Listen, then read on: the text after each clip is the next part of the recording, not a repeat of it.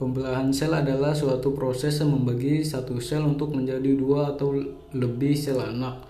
Tujuan pembelahan sel adalah untuk menambah jumlah dan jenis sel atau membentuk sel-sel lain dengan tujuan tertentu.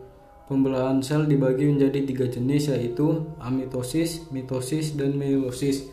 Pembelahan mitosis menghasilkan dua anak sel anakan, sel anak identik dengan sel induknya. Kromosom sel anak sama dengan sel induknya atau dioploid. Pembelahan meiosis menghasilkan 4 sel anakan, sel anak tidak identik dengan sel induknya. Kromosom sel anak adalah setengah sel dari induknya atau haploid.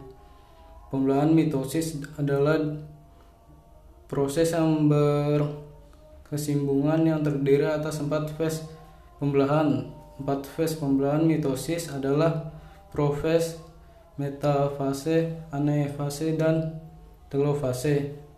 Proses meiosis profase 1, metafase 1, anafase 1, telofase 1, dan meiosis 2 profase 2, metafase 2, anafase 2 dan telofase 2.